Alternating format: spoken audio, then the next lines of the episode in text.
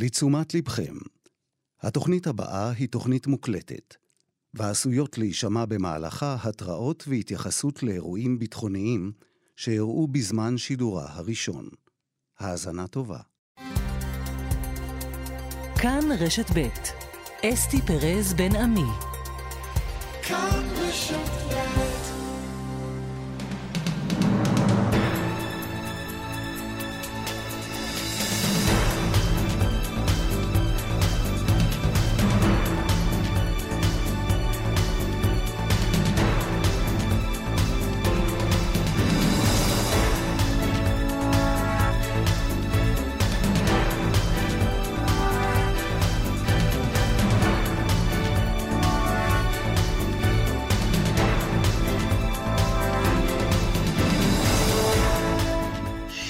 עכשיו ועוד שש דקות וחצי, וחצי היום, שלום לכם. העורך הוא גיא קוטב, בהפקה יעל שקד ורונית גור אריה, וטכנאי השידור שלנו חיים זקן. מיד נלווה את משפחות החיילים שנהרגו ביום שישי בעזה, נעדכן על מצבם של הפצועים מן התקרית הזו, וגם נביא עדכונים על המשך הלחימה ברצועה. בשדרות חוזרים ללימודים, בצפון אזעקות הבוקר וטיל נ"ט לפני דקות במטולה. בקהיר נערכים לפגישה נוספת, האם קרובה מתמיד עסקה להשבת החטופים? עוד מעט אה, נשאל את השאלה הזו. אך נפתח לפני הכל עם חשד אה, לרצח שתי נשים בצפון, אחת בנהריה והשנייה באבטין. מיכל וסרמן, שלום. כן, שלום אה, אסתי, שני מעשי רצח הבוקר בצפון, נתחיל ברצח אה, שבאיפטין, זה יותר נכון בשפרעם, ממש אה, בקצה, בקצה העיר שפרעם, רצח בתוך המשפחה, תושבת העיר בת 53, נמצאה תקורה ללא רוח חיים ברכבה, תחילה חשבו שמדובר בתאונה, הרכב נמצא סמוך אה, לארון חשמל, האישה גרושה ואם לארבע בנות, הגרוש בן 58 תושב שפרעם, בן זוגה לשעבר, הסגיר את עצמו למשטרה, על פי החשד הוא דקר את גרושתו על רקע איזשהו ויכוח שהיה ביניהם. בזמן שהיא נהגה, היא התנגשה בארון חשמל, ואז הוא פתח את אה, דלת הרכב ונמלט מהמקום. הנסיבות של האירוע הזה עדיין נבדקות. כאמור, הוא עצור במשטרה. מדובר ברצח מספר 29 בחברה הערבית מאז תחילת השנה, כך לפי נתונים של עמותת יוזמות אברהם. רצח נוסף הבוקר, חשד לרצח נוסף הבוקר בנהריה, בתוך בית עסק בעיר, במספרה, נמצאה גופה של אישה בת 60 שעליה סימנים חשודים, לא ברור מה הרקע למעשה, וגופת האישה הזאת נשלחה לנתיחה במכון לרפואה משפטית באבו כביר. מיכל וסרמן, שתי גופות של שתי נשים, אחת נרצחה, זה בוודאות, השנייה חשד שנרצחה הבוקר בנהריה ובאעבלין. את כמובן תשובי ותעדכני אם יהיו עדכונים. תודה רבה, מיכל. תודה. עכשיו למשא ומתן אה, להשבת החטופים. רועי קייס, אה, כתבנו לעיני ערבים, שלום. שלום, אסתי. עמיחי שטיין, כתבנו המדיני, שלום לך. שלום, עמיחי. תכף אני מקווה שעמיחי יהיה איתנו גם על הקו.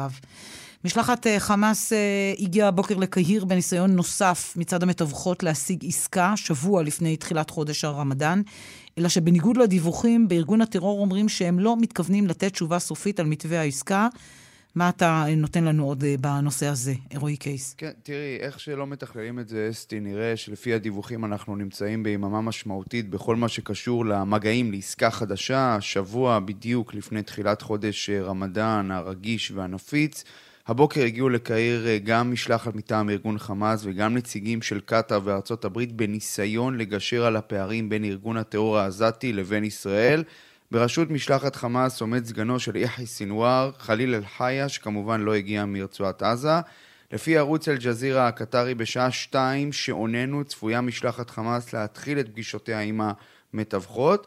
ביממה האחרונה דווח שחמאס אה, יגיש בקהיר את התשובה הסופית שלו על המתווה של העסקה שגובש בפריז, אבל בחמאס אומרים אנחנו מתכוונים להגיע לקהיר כדי להמשיך לנהל את המשא ומתן, לראות אם אפשר להגיע להפסקת אש. מי שאומר את הדברים האלה בבירור הוא בכיר חמאס בחו"ל אוסאמה חמדאן, הנה דברים שהוא אמר הבוקר לערוץ אל-ערבי הקטרי.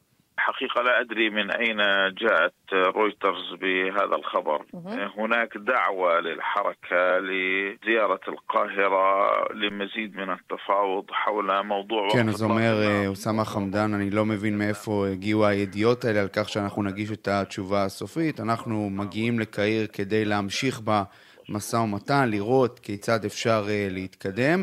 סוכנות רויטרס במקביל ציטטה היום מקור פלסטיני שמורה בשיחות שאומר אנחנו עדיין לא קרובים להסכם הפוגה בעזה. ובהקשר, ובהמשך לזה מקור בארגוני הטרור הפלסטינים אמר לערוץ אל-מאדין הלבנוני שישראל עדיין מערימה קשיים שמונעים הגעה להפוגה זמנית בעזה. המקור הוסיף שנסיגת כוחות צה"ל וחזרת העקורים מהדרום לצפון, צפון הרצועה, הן נקודות המחלוקת המרכזיות בשיחות, בנוסף להסרת המצור מצפון הרצועה. המקור הדגיש שהאפשרות להגיע להסכם עדיין באה בחשבון. אני אגיד שגורם בחמאס גם אמר לאחד מכלי התקשורת שיהיה ניתן להגיע להסכם תוך יום או יומיים אם ישראל תיענה לדרישות הארגון. נראה, תשאול מוקדם להבין לאן זה באמת הולך. אז אנחנו כמובן ממשיכים לעקוב בדריכות. רועי, תודה רבה לך בינתיים. תודה. עמיחי שטיין, כתבנו המדיני, שלום. עמיחי שטיין, כתבנו המדיני, שלום. שלום. בישראל מבהירים, ככה אתה אומר שהמשא ומתן תקוע, האם לא תישלח משלחת לקהיר עד שתתקבל תשובת חמאס, או שיכול להיות שיש משלחת כבר בדרך? אסתי, ככה זה לפחות נראה כרגע, כלומר, אנחנו רואים... בואו ננסה להעלות את עמיחי בטלפון. עמיחי, לא שומעים אותך כל כך טוב, אנחנו רוצים מאוד לשמוע את הדיווח החשוב הזה. בקוונטום, כמו שאנחנו רואים, זה לא כל כך אפשרי, אתה קטוע. בואו נתקשר אליך בטלפון, ומיד נשמע, אחרי ששמענו את הדיווח של רועי קייס על המשלחת של חמאס, שמגיעה הבוקר לקהיר, ומנסים ניסיון נוסף מצד המתווכות להשיג עסקה כבר בשעות או בימים הקרובים. אנחנו רוצים לדעת מה עמדתה של ישראל, מה אומרים אצלנו. האם המשא ומתן תקוע, שיש בו איזושהי התקדמות, והאם ישראל אה, שולחת אה, משלחת אה, ל, אה, לקהיר אה, להצטרף שם אה, לדיונים. אה, כרגע נראה, כפי שאנחנו מבינים ממה שזורם גם בתקשורת הערבית, ושמענו מרועי, שקורים דברים מתחת אה, לפני השטח, אבל לא ברור מה אה, אה, עמדתה של ישראל בשלב הזה. עמיחי שטיין נמצא איתנו על קו הטלפון כבר? לא, עדיין לא? לא. אז מקווה uh, שבהמשך נצליח. בכל מקרה, נאמר את הכותרת של הדברים. Uh, בישראל כרגע uh, סבורים שהמשא ומתן תקוע, זה מה שאומרים, וכרגע לא, לא נשלחת משלחת לקהיר. עמיחי שטיין, אתה איתנו בכל זאת? עמיחי? לא. עכשיו 12 ועוד 13 דקות, בחצי היום. שלושה לוחמים בגדוד 450 מחטיבת כפיר, לוחמים בגדוד של הכשרת מפקדי כיתות של חטיבת ביסלח, נהרגו ביום שישי ברצועת עזה במבנה שמולכד. סמל ינון יצחק ממצפה רמון, בן 20, הובא למנוחות הלילה בבית העלמין הצבאי בהר הרצל. סמל דולב חיים מלכה, משלומי, בן 19, מובא למנוחות עכשיו בחלקה הצבאית בבית העלמין בשלומי, וסמל אפיק טרי מרחובות, גם הוא יחד איתם, לוחם בגדוד 450, גם הוא, כמותם, מחטיבת כפיר. בן 19, הוא יובא למנוחות בשלוש אחר הצהריים ברחובות. שוחחנו עם דוד שלו. שלום לך, אופיר גלי, דודו של אפיק טרי. שלום, בוקר טוב. תנחומינו, משתתפים בצערכם. תודה רבה. האחיין שלך, בן אחותך, בן 19, מתי אתם מקבלים את ההודעה הקשה כל כך? יום שישי לפני כניסת הבת, באו אה, גורמים צבאיים. בית של אחותי הייתה היא והילד. פשוט סיפרו לה, והיא כבר ראתה, הבינה שהכל היא נפלה על הרצפה. בשורה קשה מאוד. משם השמועה התגלגלה, ומאות מאות של אנשים הגיעו לבית. משפחה מאוד גדולה. וככה, כל השבת, זה היה שבת מאוד קשה, מאוד מאוד קשה. ספר לנו על אפיק, הוא היה, אני מבינה, בקורס מ"כים עכשיו בביסלח. אפיק בכלל התחיל במיון לקורס טיס, מאחרי המיון לקורס טיס הוא עבר ללוחמה, שאף גבוה, כמו ממש מהילדות שלו, אם זה בכדורגל, אם זה בלימודים שהוא סיים בהצטיינות בבית ספר ברחובות. ממש, ממש, ממש, ממש. אגב, הוא גם חבר טוב של אוסקר גלוך מנבחרת ישראל, ממש מילדות, שניהם יחד. ומה אני יכול להגיד? ילד עם דרך ארץ, רוחניות, ילד גאווה ממש לכל משפחה. ממש שאף תמיד גבוה, ממש. איזה, אה, איזה אסון. אסון כבד. אני בכלל יש בי כעס באמת על ה... שיש לנו אמצעים טכנולוגיים מאוד מתקדמים בצבא, ובמקום להשתמש בהם אה, להציל חיים, אני לא יודע מה השיקול דעת. יש רובוטים, יש כלבים, יש, יש אמצעים אוויריים, יש הרבה דברים שאפשר להשתמש בהם. די, שלא יהיו עוד משפחות שכול בארץ. אתה מדבר על הנסיבות שבהן הוא נהרג. שלו, ברור. יחד עם דולב וינון והפצועים, שוב בית ממולכד. בדיוק. בדיוק, יש הרבה אמצעים להיכנס לבתים ממולכדים. למה להכניס אה, גורם אנושי? זה מה שמכעיס אותי. אני כבר איבדתי את החיים שלי, אבל שלא יהיו בעתיד, חלילה, עוד אנשים שיאבדו את החיילים שלהם שנמצאים שם ונותנים את הדם שלהם על המדינה. זה מה שמכעיס אותי. זה צריך לעלות לדיונים גם בממשלה, גם בדרג המדיני וגם בדרג הצבאי. לא להכניס יותר אה, חיילים למלכודות מוות כאלה. זה מלכודת מוות. כמה זמן אופיר הוא היה בקורס מ"כים? הוא עכשיו, הוא צריך לסיים. כן. לא, הוא לוחם, באמת. הם רק היו אצלו לפני ארבעה ימים, ההורים שלו. לפני שהוא נכנס. ידעו שהוא נכנס? הוא הודיע? כן, כן, ידעו שהוא נכנס. כן. כן. זה ממש היום הראשון שהוא נכנס. מכעיס שסתם פרחים כאלה נקטפים בטעויות אנוש. למה? יש אמצעים מתקדמים, למה? מ-2017 יש רובוט שיכול להיכנס לכל, לכל בית, לכל מבנה. למה לא להשתמש בו? סיפרת שאוסקר גלוך, חברו, אמור להגיע להלוויה גם היום. הוא כבר הגיע, הוא כבר היה אתמול. הגיע לארץ. כבר אצלהם בבית, כן, הם בן בית אצלנו. כן, חברים.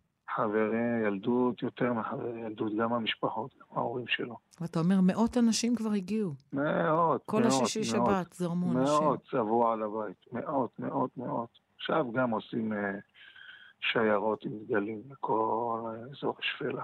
איי. ממש, מתי ממש פעם אחרונה אתה רואה אותו, מדבר איתו? לפני שבועיים. מה דיברתם?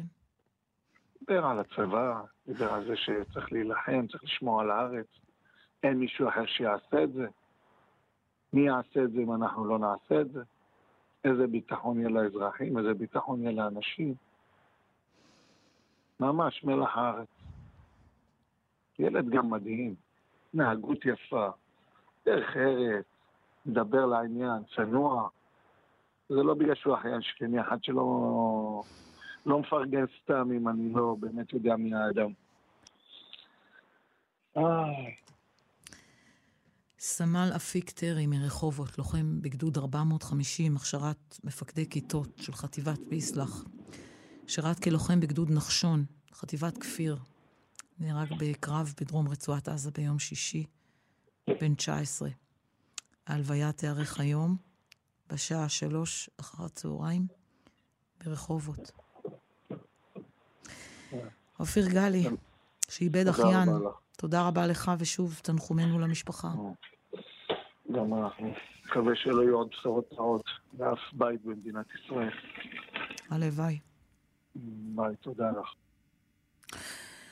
בתקרית הזו שנהרגו אפיק, דולב וינון, נפצעו 14 חיילים שמאושפזים עדיין. אסף פוזיילוב כתבנו, שלום, על מצבם. שלום אסתי. כן, אז יש גם בשורות טובות. שלושה מהפצועים בתקרית הזאת, תקרית פיצוץ המטענים בתוך אה, הבית בח'אן יונס, שלושה כבר שוחררו מבית החולים. בסורוקה מאושפזים כרגע שישה, הגיעו תשעה, כאמור שלושה שוחררו, שישה מאושפזים בסורוקה, חמישה במצב קשה, הם מאושפזים גם בטיפול נמרץ פנימי, גם בטיפול נמרץ כללי וגם במחלקת כוויות מאותו, מאותם פיצוצי מטענים. עוד כחמישה במצב בינוני בבתי חולים אחרים, והנה נשמע דברים שאמרנו לפני כמה דקות, דוקטור עמית פרנקל, רופא בכיר בטיפול נמרץ בסורוקה. במהלך סוף השבוע פונו למרכז הרפואי סורוקה בפינוי אווירי ורכוב עשרה נפגעים, מהם ארבעה פצועים קשה. הפצועים הללו מורדמים ומונשמים ביחידות לטיפול נמרץ בבית החולים, כאשר נכון לרגע זה מאושפזים בבית החולים במחלקות השונות בסך הכל 37 פצועים, 12 מהם במצב קשה. כן, אלה הדברים. אסטיאס כאמור הגיעו תשעה מאותה תקרית, שלושה כבר שוחררו, יש עוד שישה, מתוכם חמישה במצב קשה בבית החולים סורוקה. אסף, תודה רבה. נאחל החלמה מהירה לכל הפצועים, כולם. אלה של התקרית הזו וכולם, כל פצועי צה"ל. עמיחי שטיין, שלום. שלום, אסתי, צהריים טובים. אנחנו חוזרים למשא ומתן ומנסים דרכך להבין את עמדת אה, ישראל. אנחנו שומעים שקורים כבר דברים, אה, אה, התרחשויות ב, אה, בקהיר. החמאס שולחים אה, משלחת, המתווכות נמצאות, וישראל לא שולחת עדיין משלחת לקהיר, ככל שאנחנו יודעים?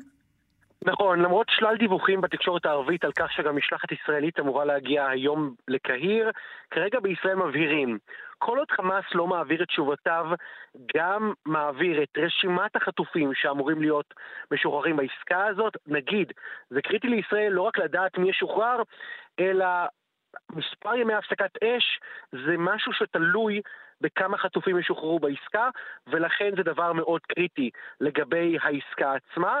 ועוד דבר שני שישראל דורשת, זה לקבל את מפתח המחבלים שחמאס דורש לשחרר בעבור כל חטוף. נזכיר רק שמתווה פריז קבע כמה מחבלים ישוחררו עבור כל חטוף, סליחה על הביטוי, סוג של חטוף, בין אם מדובר בחולה, בין אם מדובר באישה, בין אם מדובר אה, בגבר, יש הגדרות מדויקות במתווה פריז. ישראל עד עכשיו לא קיבלה תשובת חמאס לגבי המפתח הזה, ולכן בישראל אומרים, עד שהתשובות הללו לא יתקבלו, אין לנו מה להמשיך בשיחות, ומבחינת ישראל כרגע המשא ומתן תקוע. זה לא שלא מתנהל שיח מול חמאס, כפי שאנחנו רואים היום בקהיר, אבל לפחות מבחינת ישראל, היא אומרת, אנחנו כרגע מיצינו את מה שאנחנו מוכנים לעשות או לדבר עליו במסגרת העסקה הזאת, ועד שלא מגיעות התשובות המאוד חשובות האלה של חמאס, אנחנו לא נשלח משלחת שיכולה לקדם עוד יותר את התהליך הזה. רק נגיד, בשבוע שעבר בקטאר נעשו שלל עבודות שלמעשה אה, אמורות אה, להיות... פעילות אם וכאשר תהיה עסקה. כלומר, ישראל מכינים את הקרקע לעסקה ומנסים לתפור לא מעט דברים, אבל כמובן, קודם כל צריך שתהיה עסקה, ורק אז יהיה אפשר להתקדם הלאה. תודה רבה, עמיחי. תודה. אנחנו כאן אם יש עדכונים. איתנו עכשיו אלוף במילואים עמוס ירון, מי שהיה בעבר מנכ"ל משרד הביטחון. שלום. שלום וברכה. התנהלות ישראל במשא ומתן הזה בשבועות האחרונים, כפי שאנחנו שומעים ויודעים עליה, עד רגעים אלה שאנחנו שומעים מצד אחד נקודת זמן קריטית, רמדאן, דברים אה, מתחילים להתקרב, מצד שני אנחנו שומעים שהמשלחת הישראלית נשארת בבית ולא נוסעת לקהיר. איך אתה מסתכל על התמונה? איך אתה רואה את התמונה, אלוף המילואים ירון? תראי, הנושא של uh, החזרת החטופים זה נושא אחד, אבל לפני החזרת החטופים צריך להסתכל על כל התמונה המלאה. הממשלה הזאת הביאה אותנו למין מצב כזה שהוא אבסורד. אין, אין מהלך צבאי ללא מטרה מדינית מאחוריו.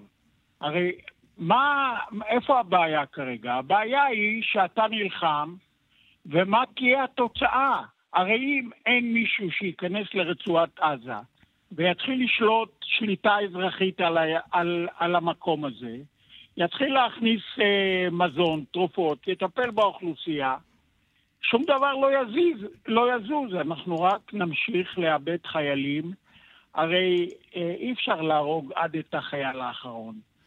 ולכן הכל מתחיל מזה הממשלה הזאת וראש הממשלה בראשותו, הם לא יודעים לאן ללכת. מה שהם עושים בסך הכל זה מנסים לשמור על הכוח שלהם בממשלה. ואחרי השביעי לאוקטובר זה פשוט דבר נורא.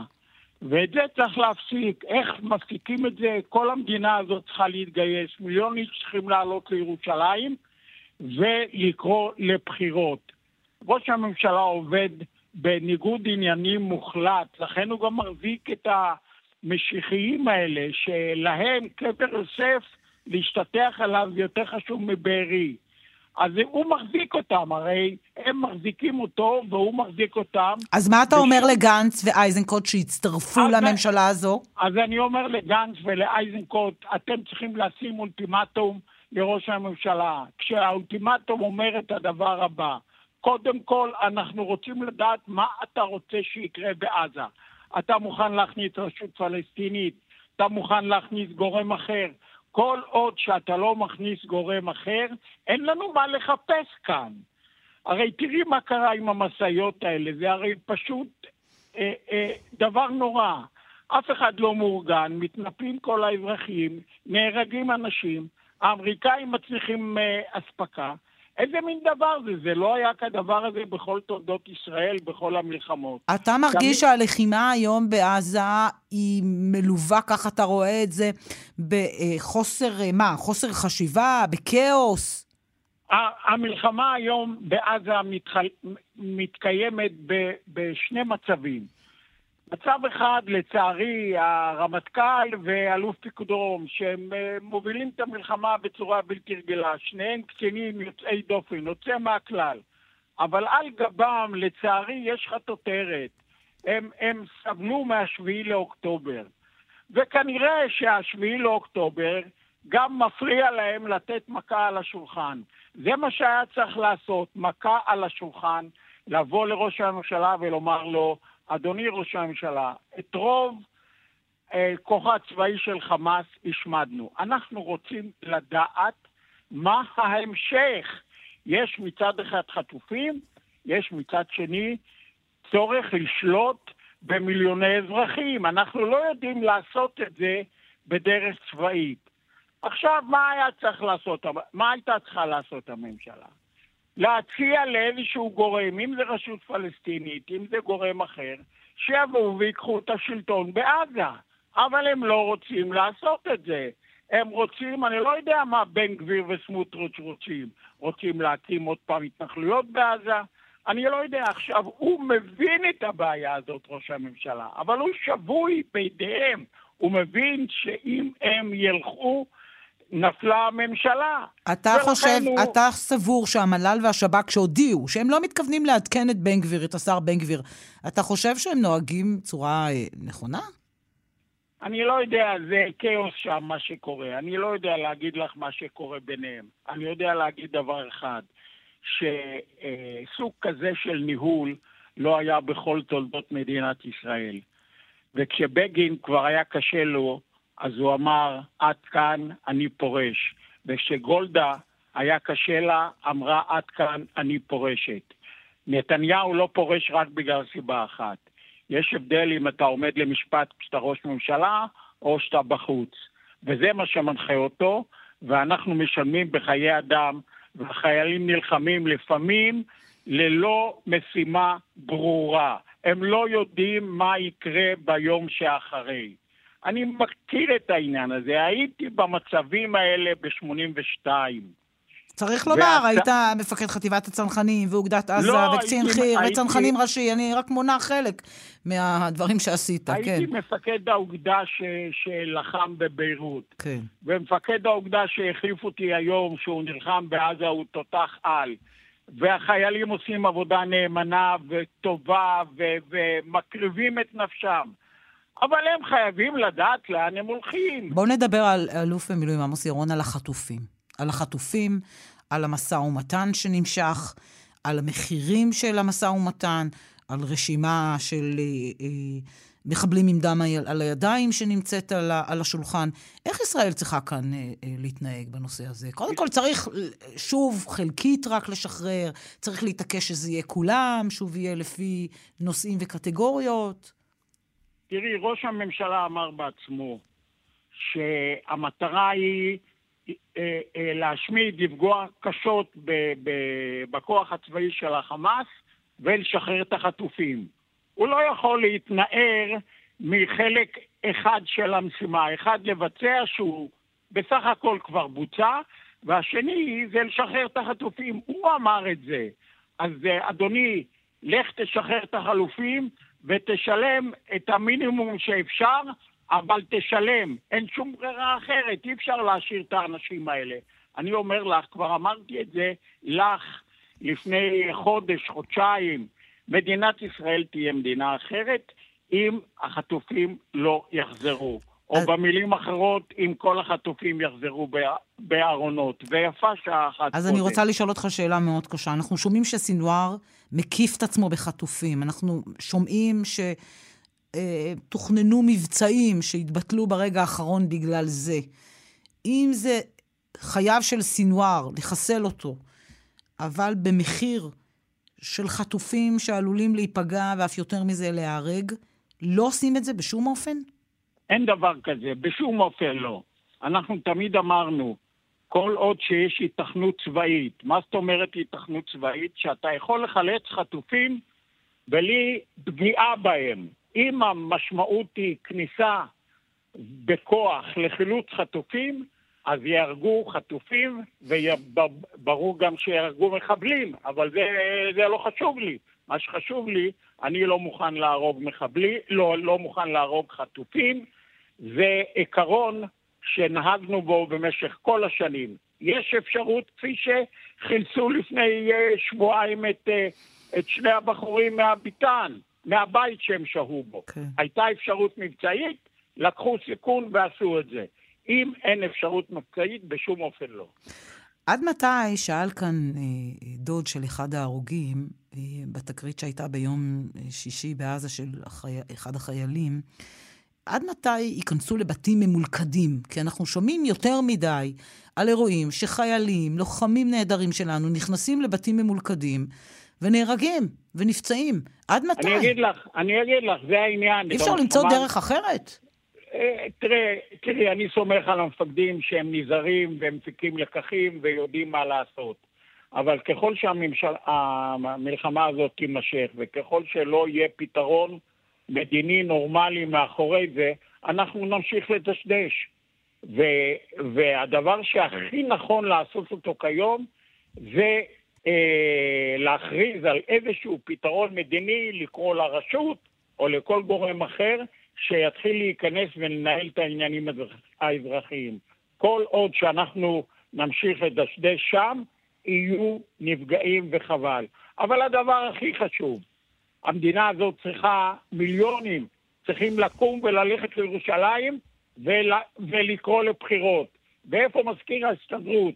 שייקח את כל פועלי ארץ ישראל ויקרא לבחירות.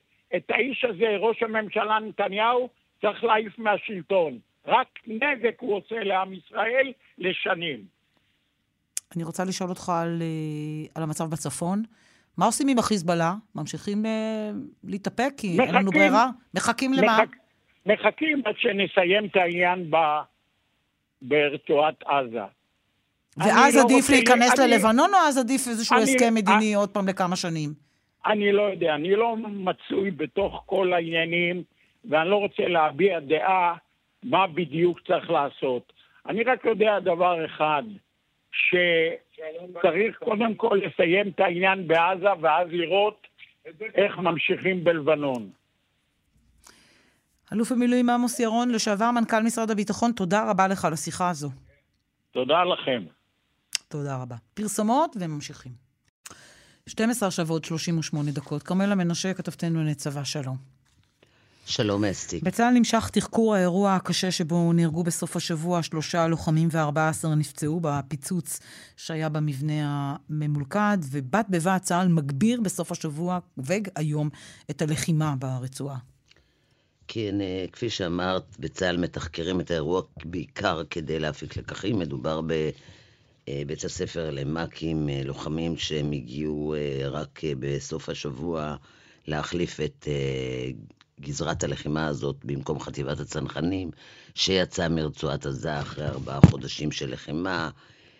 הכוח שהיה בתוך מבנה שהתפוצץ, חלקים ממנו וחלקים ממנו אה, קרסו כתוצאה מזירת המת, המת, מזירות מטעני חבלה שהופעלו בזה אחר זה, כתוצאה מהפיצוץ נהרגו שלושה לוחמים ועוד 14 נפצעו, בהם שישה נפצעו קשה. באוגדה 98 שאחראית על הלחימה, כאמור, מתחקרים את כמות המטענים שהייתה, נבדקים, אה, נבדק האם אה, הייתה חפיפה כפי שנדרש, האם הם פעלו כפי שנדרש, אבל שוב, כפי אני מתחברת רגע לשיחה שעשיתי עם האלוף עמוס ירון, שאמר שבסך הכל מדובר בלחימה שזה אירועים מאוד מוכרים מלחימות בזירות שונות בשנים אחרות, מטענים חלק בלתי נפרד מלחימה, במיוחד כאשר נמצאים באותו מקום, באותו זמן, וכל הבתים שם בעצם ממולכדים. כפי שאמר, צה"ל ממשיך בתקיפות של תשתיות, והלילה הכוחות המתמרנים ומרכז האש של אוגדה 98 פתחו במתקפה נרחבת במערך, במערב ח'אן יונס, להעמיק את מה שהם מכנים ההישג המבצעי תוך השמדת תשתיות טרור, חיסול מחבלים, תקיפה אווירית של כ-50 תשתיות בפחות מ-10 דקות. כוחות כאמור, אוגדה 98, פתחו הלילה בהתקפה נוספת במרחב ח'אן יונס. כרמלה, תודה. ואנחנו ממשיכים כאן בחצי היום ללוות את משפחות החטופים ולשאול לשלומם. איתנו סיוון דבוש והיא דודתו של רום ברסלבסקי, חטוף, נמצא עדיין בעזה. שלום סיוון. שלום ברכה. בשעות האחרונות, אם את עוקבת, מתרבות הידיעות שעסקה להשבת החטופים הולכת ומתקרבת. יש בך אופטימיות? אנחנו מאמינים בבורא עולם. אני אומרת את זה ולא בצורה אה, אה, קיצ'ית אה, או ככה מסרבלת. אנחנו מאמינים רק בו. אנחנו נוכחנו להבין שכמה שהתפארנו בצבא החזק שלנו, ובאמת יש לנו חזק, צבא חזק ואנשים טובים, אבל בכל זאת, אה, בשביל שהחבר'ה שלנו יגיעו משם בריאים ושלמים, אני חושבת שאנחנו אה, באיזשהו שלב מפסיקים לסמוך על אה, בני אדם, וכרגע כל האנרגיות, כל הרצון, כל הכוחות שלנו זה תפילה. שיעשה לנו נס ויחזיר לנו את היקרים לנו מכל משם. אמ, אם אה, רום שומע אותי בשיחה הזאת, אז אני רוצה לומר לו שאנחנו מאוד מאוד אוהבים אותו, מתגעגעים אליו, מאמינים שהוא חזק והוא יחזור אלינו, וזה צריך להיות ממש אוטוטו. אנחנו מחזקים אותו מפה, אימא שלו, תמי, הלוויה, וזיו האח, ועמית האח, ואבא, אופיר, ואנחנו כל הדודים והבני דודים אה, מאוד מאוד מאוד אוהבים ומחכים שהוא יחזור אלינו, ושהוא ידע שהוא לא לבד. הוא לא לבד, גם בימים החשוכים האלה, גם בימים הקשים האלה. אנחנו יודעים שהוא חזק, והוא חוזר.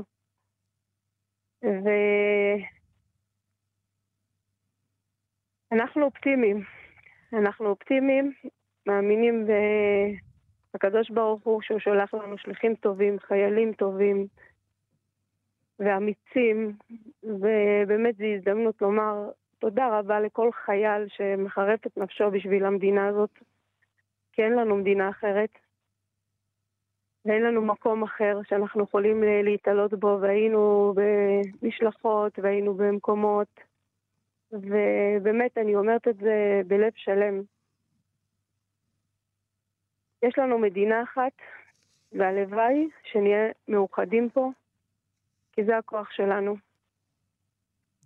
סיוון, אה, במשך חמשת החודשים האחרונים, קיבלתם איזשהו אות חיים, בדל, שביב, של מידע עליו מן החטופים והחטופות שחזרו? האמת היא שאנחנו לא התעסקנו עם זה, לא שמענו שום דבר, ונכון לעכשיו רוצים רק לחזק את רום מהמקום ה... הכי תמים שיש. מאמינים שהוא חי, מאמינים שהוא חזק, והוא חוזר אלינו. וחזק עם הרבה הרבה תפילות, וזה מה שאני מבקשת. ילד טוב, ילד אמיץ, הציל המון אנשים, אמ, ואנחנו גאים בו. אתם יודעים שבשבעה באוקטובר הוא הציל הרבה מאוד אנשים. תספרי מה, מה הוא עשה, כמו שאתם יודעים, מעדים שסיפרו לכם שם במסיבת הטבע בנובה, משם הוא נחטף. אנחנו אה, פשוט אה, עדים לזה שהוא נגע בהמון אנשים, אה, הציל גופות ושם אותם בתוך בור שלא יחללו אותם. הרבה חבר'ה אומרים ומספרים שרום יכל אה, לברוח. רום יכל אה, להיות במקום שלהם כרגע, והוא לא עשה את זה. ומראה באמת אה, משהו אחד קטן על ה... קודם כל על האופי, על איזה משפחה הוא גדל, על הנתינה לאחר, וחשב על מישהו אחר לפני שהוא חשב על עצמו. היו לו שלוש הזדמנויות, הוא לא עשה את זה, הוא נשאר. הוא ניסה להטיל כמה שיותר אנשים, והוא גיבור. ואלה הגיבורים, החבר'ה האלה שהיו שש, עשר שעות אה, מופקרים לגמרי. אבל אה, אנחנו מאמינים שאין דבר שנעשה למטה אם אה, לא הכריזו עליו מלמעלה. כנראה שהוא היה צריך להיות שם. וכמו שהוא הציל, הוא גם, אה, הקדוש ברוך הוא יציל אותו, ואנחנו מחכים אה, לסעודת הודיה שלו. איך עוברים את התקופה הקשה הזו, סיוון? איך אתם, המשפחה עוברת? תמי ואופיר והאחים, ואתם, כולכם? אין ימים, אין לילות. יש רק את רום. רק הוא בראש שלנו, בלב שלנו. אה, אני אומרת, כל בן אדם צריך לחשוב, אה, לקחת את עצמו ולשים את עצמו במנהרה, במקום אחר, לצאת מאזור הנוחות שלו ולהגיד בוא, ננסה להבין איפה החבר'ה החמודים האלה נמצאים, התמימים האלה. אה, סך הכל היו במסיבה, הלכו לאבטח במסיבה, כבר לא משנה. ולנסות uh, לשים את עצמנו בנעליים שלהם, וזה דבר שהוא, uh, ככל שעובר הזמן, חיים נמשכים, אנשים הולכים לעבוד, מתחתנים, בר מצוות. יש כאלה שפשוט החיים שלהם נעצרו בכל המישורים. ואנחנו עם רום. אנחנו עם רום אין, אין מילים להסביר כמה החיים נעצרו. סיוון דבוש, הדודה של רום ברסלבסקי, שחטוף בעזה.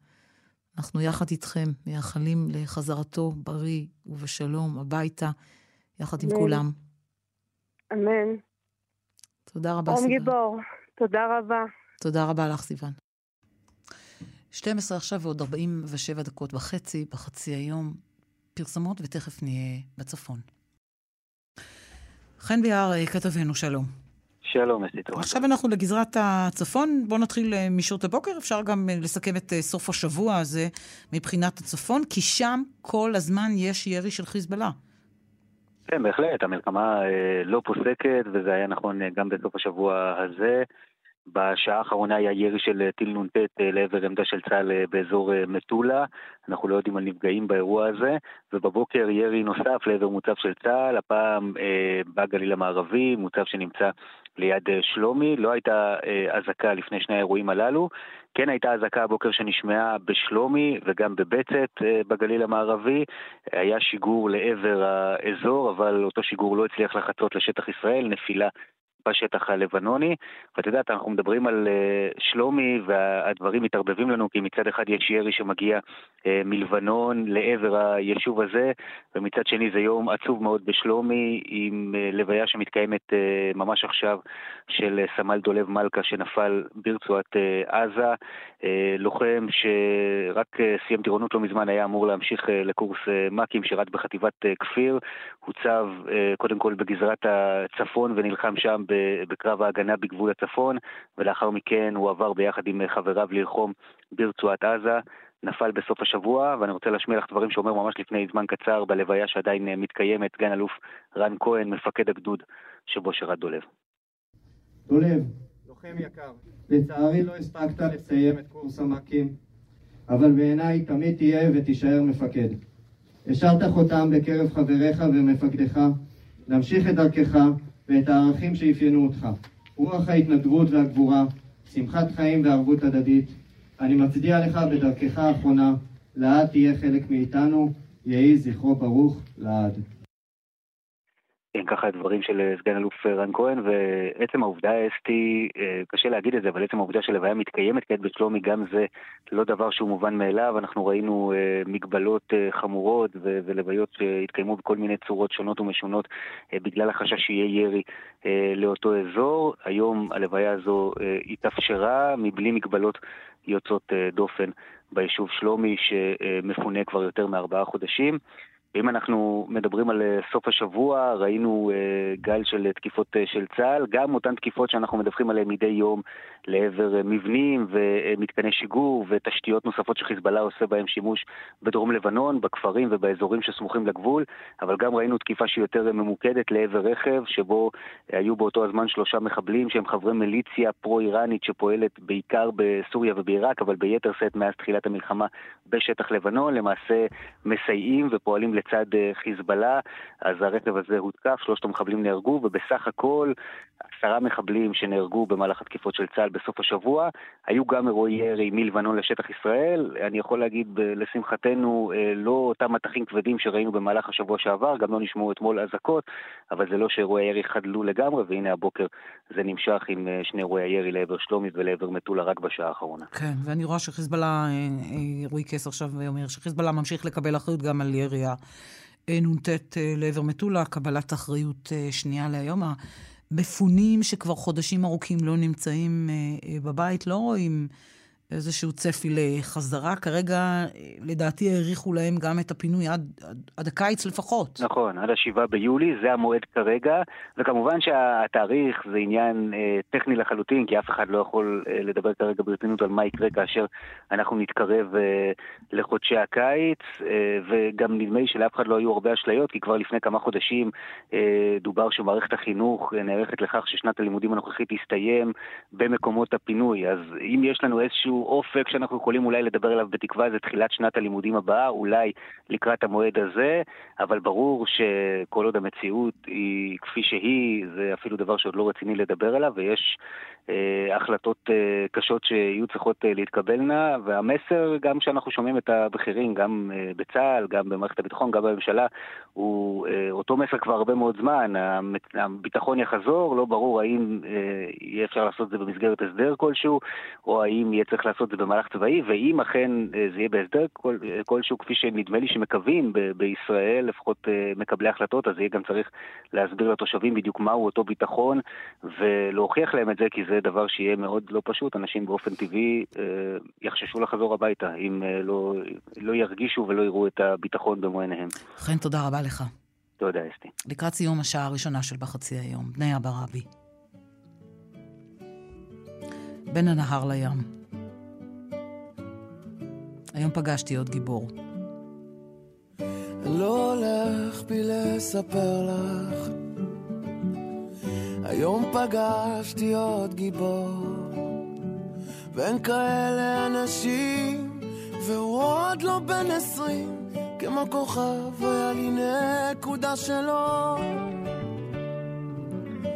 היה את זה שהשתגע, שבר את כל החסכונות, וגם ביום הכי שחור, היה ראשון שם לעזור, ועל הלב הזה שאלוהים ישמור. בין הנהר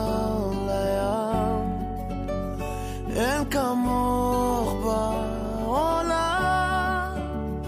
הרוחות פה מבשרות, יש תקווה ברחובות שלך, שלך. בחצי היום, שעה ראשונה סיימנו, נחזור אחרי אחת, תישארו איתנו. שלום.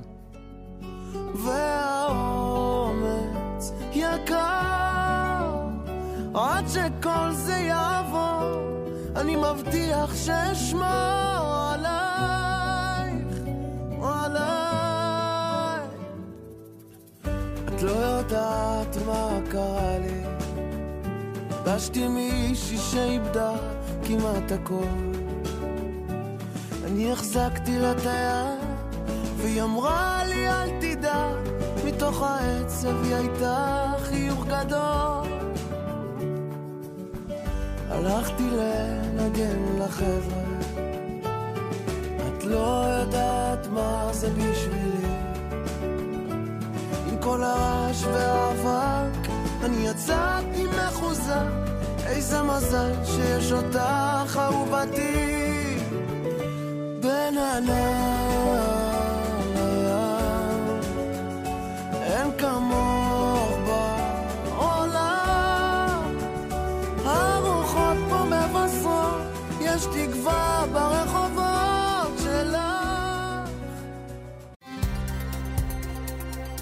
כאן רשת ב' אסתי פרז בן עמי. כאן רשת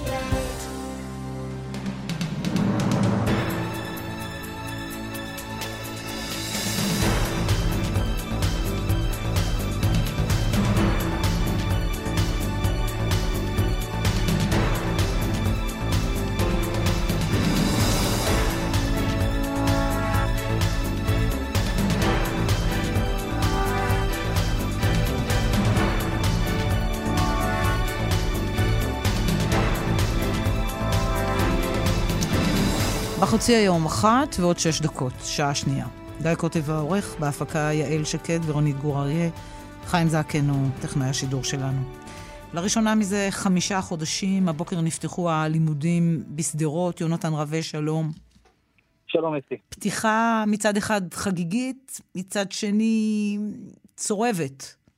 צורבת עם רגשות מעורבים, אה, וזה גם אה, פחות או יותר מסכם את הנתון של כמות התלמידים שחזרו. אנחנו מדברים פחות או יותר על חצי-חצי, עם נטייה קלה אה, לאלה שכן חזרו, בערך 55 אחוזים מהתלמידים נמצאים בבתי הספר, זה אומר משהו כמו 5,500 מתוך 10,000 בסך הכל, שמתחלקים ל-120 מוסדות חינוך, גם גני ילדים, גם מעונים וגם בתי ספר שנפתחים היום ממש כולם. עכשיו, יש אפילו בתי ספר ששמו גם כיסאות אה, לתלמידים החסרים, התלמידים שידעו שהם לא הולכים להגיע באמת כדי להנכיח את היעדרותם, אז מצד אחד הרבה התרגשות, הרבה בלונים, אה, הופעות אה, בבתי הספר, מצד שני החיסרון של, ה, של התלמידים שלא נמצאים מאוד מאוד מורגש. עכשיו שוב, כל הכיתות נפתחו בשלב הראשון, בשלב השני, אם יראו שיש חוסר, שתלמידים לא מגיעים, אולי גם יאחדו את חלק אה, מהכיתות. בואו נשמע את אריק אזולאי, מנהל בית ספר דתי הרואה בעיר.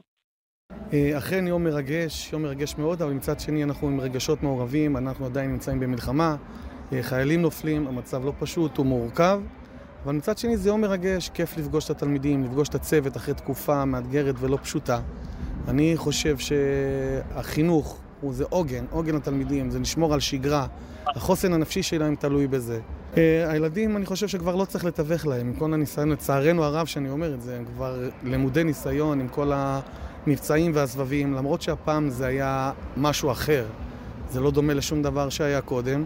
יש לנו פה גם אנשי מקצוע שנמצאים, אנחנו קיבלנו uh, ליווי, הדרכה, צוות עבר הדרכה של השפ"ח של העירייה שלנו, נתנו להם כלים, ואנחנו מיישמים את הכלים שקיבלנו כדי לעשות את זה בצורה המקצועית והמיטבית.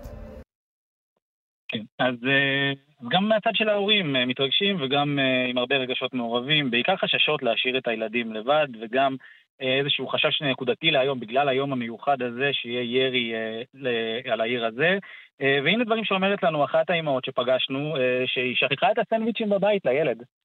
אני כבר חודש באה לעבודה, אבל הבנות לא באות איתי. זה היה לילה לא פשוט, בלי הרבה שינה. הבת שלי אמרה לי, אמא, אולי, אולי לא נלך, אולי הם יעשו לנו מבחן, אולי הם ישלחו קסאמים. לדעתי זה חלק מהחיים בשדרות. כאילו, אין הרבה ברירה. הייתי אצל אמא שלי חודש ומשהו, ואתמול פשוט הבאתי את, את הציוד וזהו, קופצים למים. הם ראו דברים שהם לא אמורים לראות, חוו דברים שלא אמורים לחוות, ועכשיו סף החרדה מאוד עולה. אני רואה את זה. ואולי נגיד גם משהו על תחושות הביטחון ומה שעושים כדי לפתור אותם. אז אנחנו מדברים כאן על המון המון כוחות ביטחון שמלווים את כל היום הזה, גם כוחות משטרה, גם גדוד של לוחמים שישב כאן בעיר במשך חודש שלם, ובנוסף כיתת הכוננות כמובן, וגם כל מיני מש"קיות של פיקוד העורף שמגיעות לתוך הכיתות, לתוך השיעורים, באמת להעביר הדרכות של מה עושים בשעת חירום. להגיד שזה עוזר, עוזר זה כנראה עוזר, להגיד שזה פותר לחלוטין את הבעיה, ככל הנראה לא. תודה רבה לך, יונתן רווה. בשדרות חוזרים ללימודים, אבל ברגשות מעורבים, כמו שאמרת. אלירן ג'רבי, שלום. שלום, צהריים טובים. תושב שדרות. תושב שדרות. כן. איך היום הזה? פתוח ביותר, מאתגר, חששות רבים. ספר, ספר על המשפחה שלך, כמה ילדים במערכת החינוך? כל הילדים שלי במערכת החינוך, יש לי ילדים צרכים מיוחדים שלומד מחוץ לשדרות. ילדה אחת שעושה את הבגרויות בתל אביב. וכולנו חזרנו את האמת. חזרנו לכאן. כמה ילדים יש לך במערכת החינוך? ארבעה. ארבעה ילדים, כל ארבעה. כן, ארבעה ילדים. וחלק חזרו היום לשדרות? ללימודים? כולם. כולם, רק אחד לומד באשקלון עם הצרכים המיוחדים ששם... ואחת בתל אביב. כן, אחת בשדרות, אבל נוסעת לתל אביב לבגרויות. אה, היא נוסעת לתל אביב בגרויות. ואיך זה היה? כן. ספר איך, היה, איך נראה הבוקר הזה. כאילו בוקר שגרתי, אבל לגמרי משמח. משמח ומפחיד ביחד. משמח ומפחיד ביחד. הילדים אה, שמחו לחזור וגם חששו, כמו שכולם יודעים, חיכינו לגורם ההפתעה שלהם, שכל כל פעם שיש איזה משהו שמח בשדרות, הם דואגים להזכיר לנו שהם קיימים בעזה. וזורקים עלינו טילים. הילדים שמחו מאוד להגיע למסגרות, אבל גם פחדו יותר מדי. חזרתם בשמחה ב... בסך הכל, או שאילצו אתכם לחזור? לא הייתה ברירה, אמרו לכם, זהו, נגמר המלון. לא הייתה ברירה מכמה סיבות. סגרו את המערכת החינוך במלונות של המפונים. העבודה הוציאו את ההורים לסלט. אני כרגע בספק, אני צריך לחזור אותו לעבודה גם. אשתי הציעו אותה כבר לחל"ת מתחילת החודש. ובלי מסגרות של הילדים, ובלי עבודה. לא משנה איפה תשימי בן אדם, הוא לא יכול לשרוד את זה. איך היה לכם בחודשים האלה באילת ובתל אביב? קשה, קשה ביותר, אין כמו בבית. גירשו אותנו במטרה אחת, גירשו אותנו מהבית. במטרה אחת שיביאו שקט וביטחון לדרום. החזירו אותנו בלי שקט ובלי ביטחון. ככה אתה מרגיש ששום דבר לא השתנה בחמישה החודשים האלה? ברור. אם אתמול בלילה היו בומים עוצמתיים שכל שדרות רעדה. כל שדרות רעדה בלילה. ולקום בבוקר לבוקר כזה זה אותו דבר, לחזור לשגרה. יפלו טילים, לא יפלו טילים, יהיה צבע אדום, לא יהיה צבע אדום, צה"ל יפציץ או לא יפציץ. את ישנה או לא ישנה, את צריכה בבוקר לקום לשגרה, לחזור לעבודה, לפתוח לבית ספר. כאילו כלום לא קרה, חבל שגירשו אותנו מהבית. אם זה היה תלוי בכם, לא הייתם חוזרים? את שדרות אף פעם לא חשבתי לעזור, אבל אמרתי פעם הבאה, פעם אחת שנמצא כולנו משדרות, נסיימו עם העבודה הזאת חד וחלק. פעם אחת ולתמיד. אבל חמישה חודשים וזה רק נגזר וזה נהיה יותר קשוח ויותר קשה. אי אפשר לשים זוג עם ארבע ילדים בתוך שתי חדרים של ארבעים מטר ולצפות שכל העולם יהיה יפה. זה לא כיף להיות בבית מלון. בית מלון זה כיף ליום, יומיים, ארבעה ימים. אחרי ארבעה ימים זה כבר נהיה סיוט, זה לא ממש כיף. הילדים כבר חזרו מבית ספר או שעוד לא? כן, כולם חזרו לבית ספר, אז, כולם אז... חזרו למסגרות שלהם. לא, אבל הם חזרו כבר הביתה מתחילת יום הלימודים, או שהם עוד שם? הנה, עכשיו הם איתי, עכשיו אני אוסף אותם מהמסגרות שלהם. אז מה הם מספרים? בואו נשמע מהם. מה הם מספרים? איך היה היום הראשון? איך היה היום הראשון שלך בבית ספר, הלל? היה לה כיף. שים ברמקול, שנשמע אותה. מי זאת הלל? בת כמה היא? בת שמונה. בת שמונה. היה כיף? כן. כן, מה עשיתם? היום עשינו צביעה ו- ועשינו הפעלה בחוץ. איזה יופי. ואיך היה מזג אוויר? נעים? כן, ואיך היה לפגוש את החברים ואת המורים? כיף התגעגעת לזה? מאוד. פחדת אבל? לא. בכלל לא? אמרו לכם שאם תהיה אזעקה מה עושים, או שאתם כבר מתורגלים? שואלת אם אם הייתה אזעקה, את יודעת מה לעשות? ללכת לממ"ד. כאן כל ילד בן שנה, שנתיים כבר מתורגל ל-15 שניות האלה. איזה חמודה. היא נשמעת די מבסוטית. היא מבסוטית אחרי שחמישה חודשים טרטרו אותה ממקום למקום, מסגרות חדשות. כמעט אתה בצוות שהיא מכירה. אריק שדיבר לפניי בכתבה, הוא המנהל של הבית ספר כן, שלה. כן, שמענו אותו. מנהל בחסד עליון. מקבל את הילדים בחיבוק. שמחתי מאוד לראות הרבה הבטחה היום מחוץ לבתי ספר בכל שדרות. הרגיע קצת.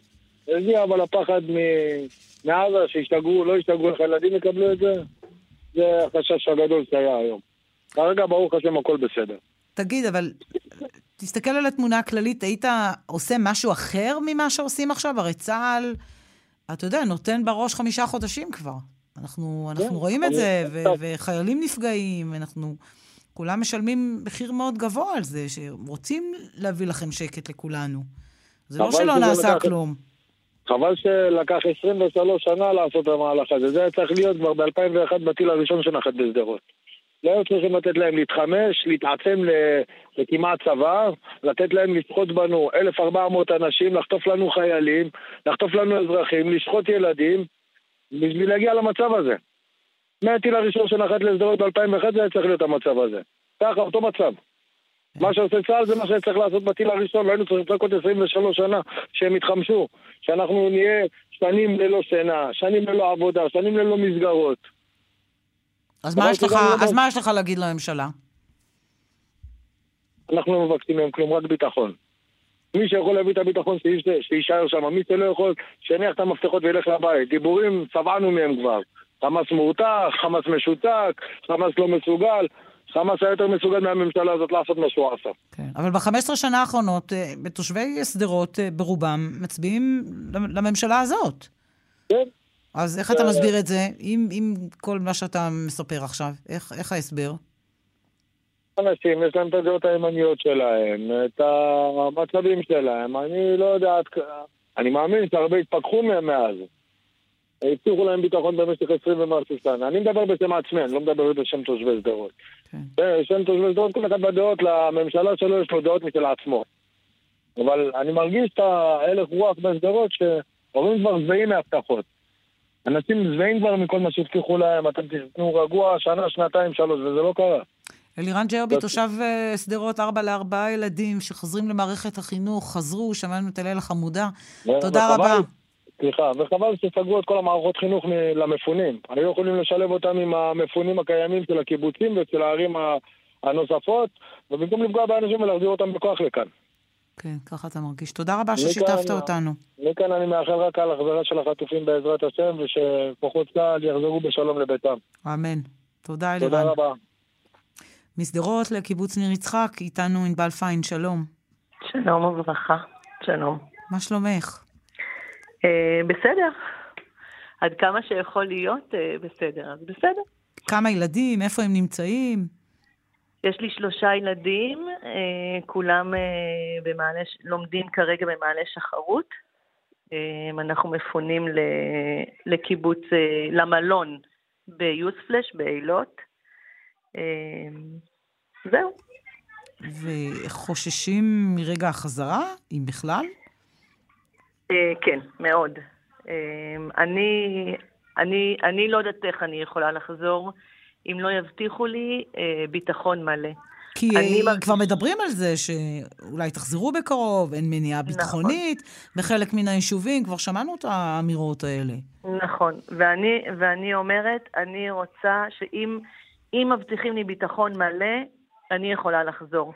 אני לא יכולה לעמוד עם, ה, עם, ה, עם השעון, עם הסטופר לילדים שלי ולהגיד להם, עכשיו תחזרו הביתה בשעה חמש, או לפני שמחשיך, או... אני רוצה שיהיה להם את חופש כמו שהיה להם לפני ה-7 באוקטובר. תספרי איפה הקיבוץ שלכם ממוקם ומה קרה ב-7 באוקטובר. הקיבוץ שלנו ממוקם אה, 2,800 מהגדר, אה, הוא צמוד לקיבוץ סופה.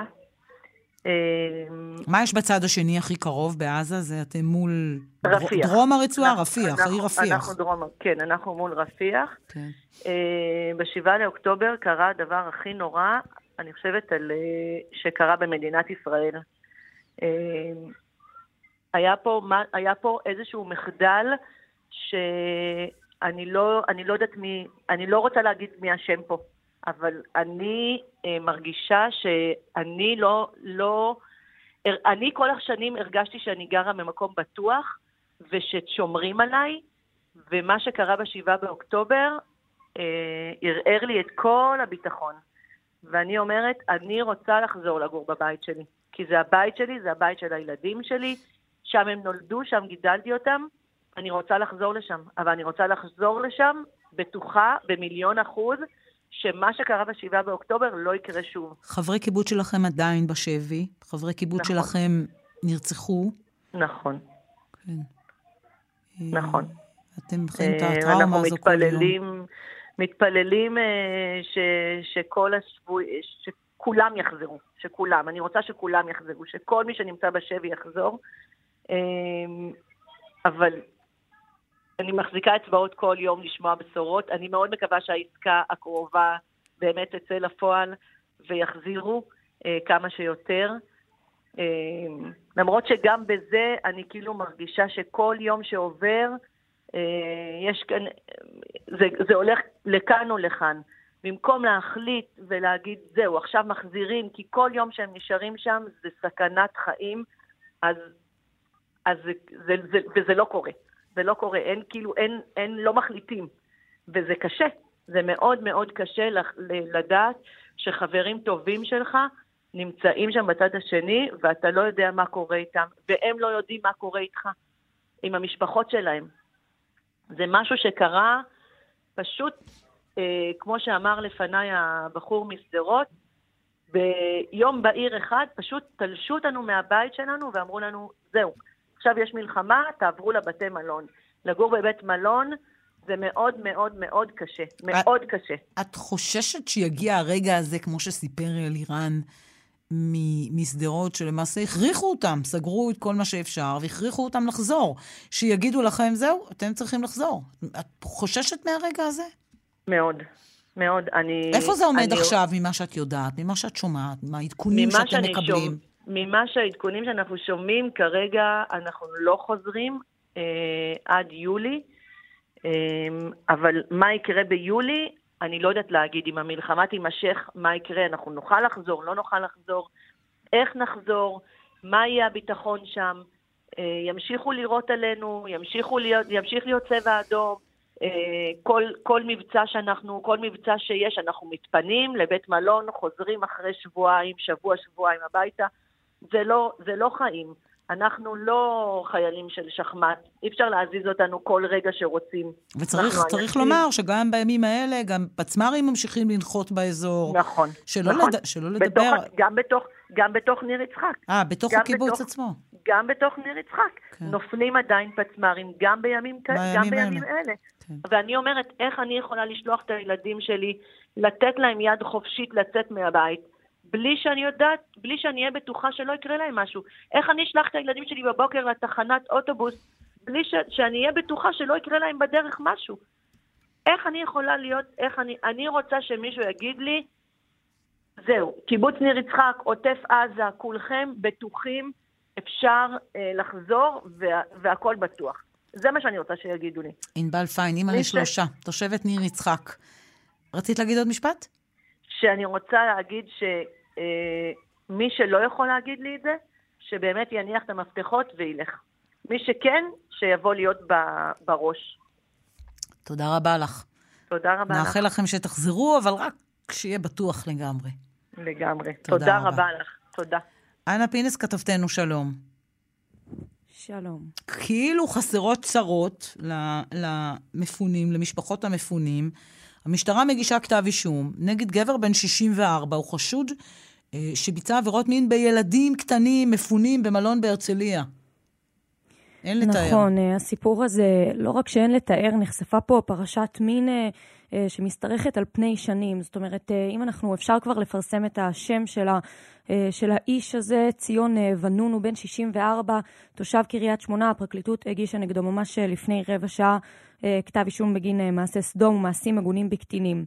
בעצם הסיפור הזה מתחיל אה, אה, מבחינתנו במהלך... אה, הבחור מפונה, הוא מקריית שמונה, נמצא במלון בהרצליה, ואימא לילד בן ארבע שנמצאת גם היא במלון, בעצם פונה אה, למשטרה אה, ומגישה תלונה על חשד לביצוע עבירות מין. אחרי איזושהי פעולות חקירה ראשוניות, המשטרה אה, בוחנת ובאמת מגלה איזשהו דפוס פעולה אה, של הבחור הזה במהלך, אה, במהלך שהותו במלון המפונים. הוא בעצם הגיע לאזורי פעילות אה, של ילדים, פיתה ילדים קטנים בני שלוש עד שבע להגיע איתו אחרי הפעילות לחדר שלו בעזרת ממתקים וכל מיני דברים אה, בסגנון, ושם הוא ביצע בהם מעשים מגונים.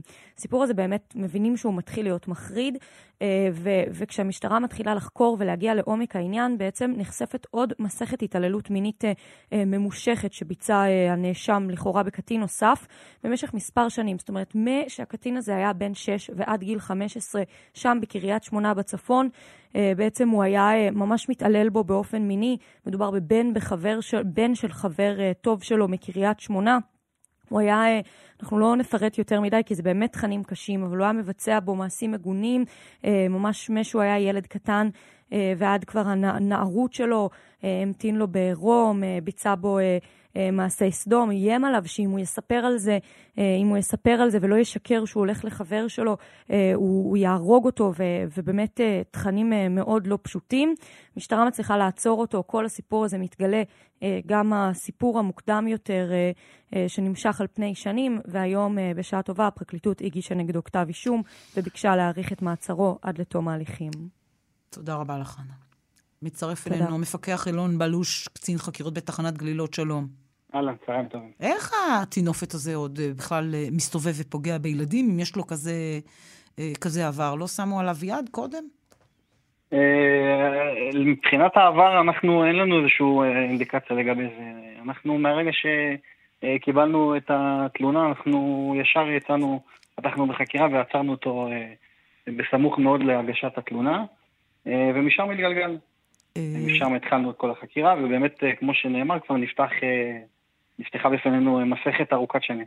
זהו, אז ספר על המעשים האחרונים שאתם מתוודים אליהם, שהוא פוגע למעשה בילדי מפונים בבתי מלון.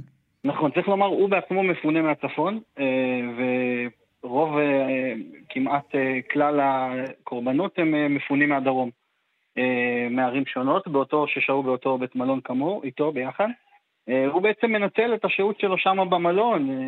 אני יודע מעדויות שעלו מה, מה, מהאנשים שהיו שם, סיפרו לנו שהוא היה נוהג להסתובב שם בימי הולדת של הילדים, בהפעלות של המלון, ומחלק סוכריות לכל הילדים, וכולם חשבו שמדובר באיזשהו אה, סבא חביב נעים, אה, עד שבעצם התבהרה התמונה, לצערנו, לתמונה אחרת לחלוטין. מה התמונה שהתבהרה לכם?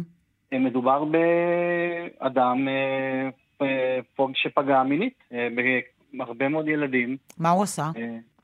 עבירות מין חמורות מאוד מצנעת הפרט, אני באמת לא רוצה לפרט, אבל אני יכול לומר ש... אין, אין, אין כאן עניין של צנעת הפרט, כי אנחנו לא חושפים את הילדים, אנחנו רוצים לדעת עד כמה המעשים של פנונו הזה, ש... הם היו יכול... חמורים. נכון, אז אני יכול לומר שאנחנו הצלחנו לגבש תשתית ראייתית לגבי מעשים מגונים בקטינים שהוא לקח אותם לחדר שלו, שם מלטף אותם, מנשק אותם, וגם נוגע באיברים... באיברי מין שלהם. ילדים, ילדים בני כמה?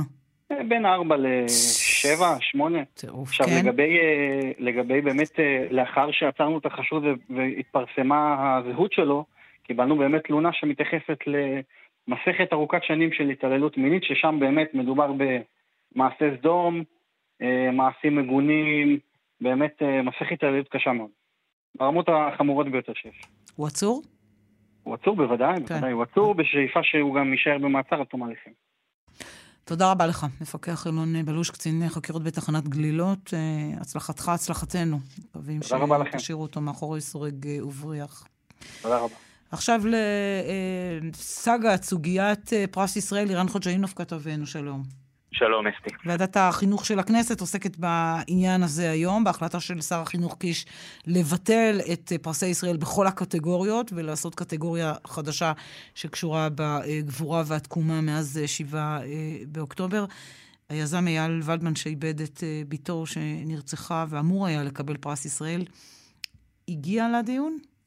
הגיע לדיון וממש אה, תוקף ומאשים שם בהאשמות חמורות לא רק את שר החינוך קיש, אלא גם את ראש הממשלה נתניהו ורעייתו. הוא טוען באופן ברור אה, שהוא יודע שוועדת הפרס לענייני יזמות המליצה עליו לקבל את הפרס. שר החינוך קיש שמע את זה, ועדיין מקורבים מעל השר קיש, כך טוען אה, ולדמן בדיון בוועדת המדע, פשוט הגיעו, הוא מציין גם שם מאוד מפורש, איש העסקים, המיליארדר שלומי פוגל, מקורב מאוד uh, למשפחת uh, נתניהו, הוא זה שלטענתו בחש בסוגיה הזאת וניסה ללחוץ על הוועדה כדי שתמליץ על מועמדת אחרת שלטענת ולדמן יותר אה, נוטה לתמוך בממשלה. ומכיוון שהוועדה לא אה, המליצה על אותה אחת, החליט שר החינוך קיש בעצת אחרים, כך אומר ולדמן, לשלול לחלוטין את כל פרסי ישראל כפי שאנחנו מכירים אותם עכשיו. הוא מאשים לאורך כל הדיון ממש התערבות פסולה של קיש, של נתניהו, של מקורבים לו. בואו נשמע חלק מהדברים היום בוועדת המדע.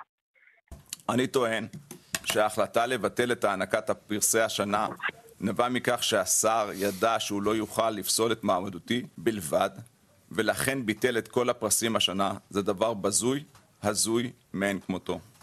אני טוען שהשר לא פעל על דעת עצמו, אלא על פי הוראות מגבוה.